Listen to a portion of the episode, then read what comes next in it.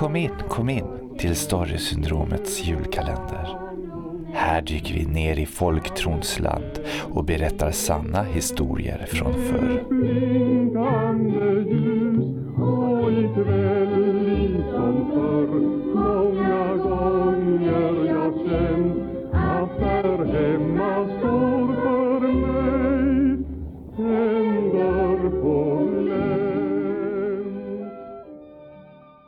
Det var en gång en karl från Tjörn som blev förvandlad till varulv av en elak trollpacka. Han gick på tre ben och det fjärde höll han ut som svans.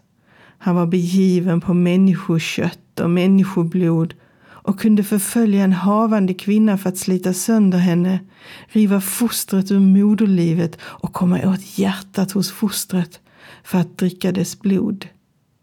Men långt om länge blev han en adventssöndag löst från förtrollningen och var sen mest som annat folk. Men nu förstod han vargarnas språk. Det hade han lärt sig när han själv var varulv. En gång var han ute och vandrade. Fram emot kvällen kom han till en gård och bad om att få låna hus.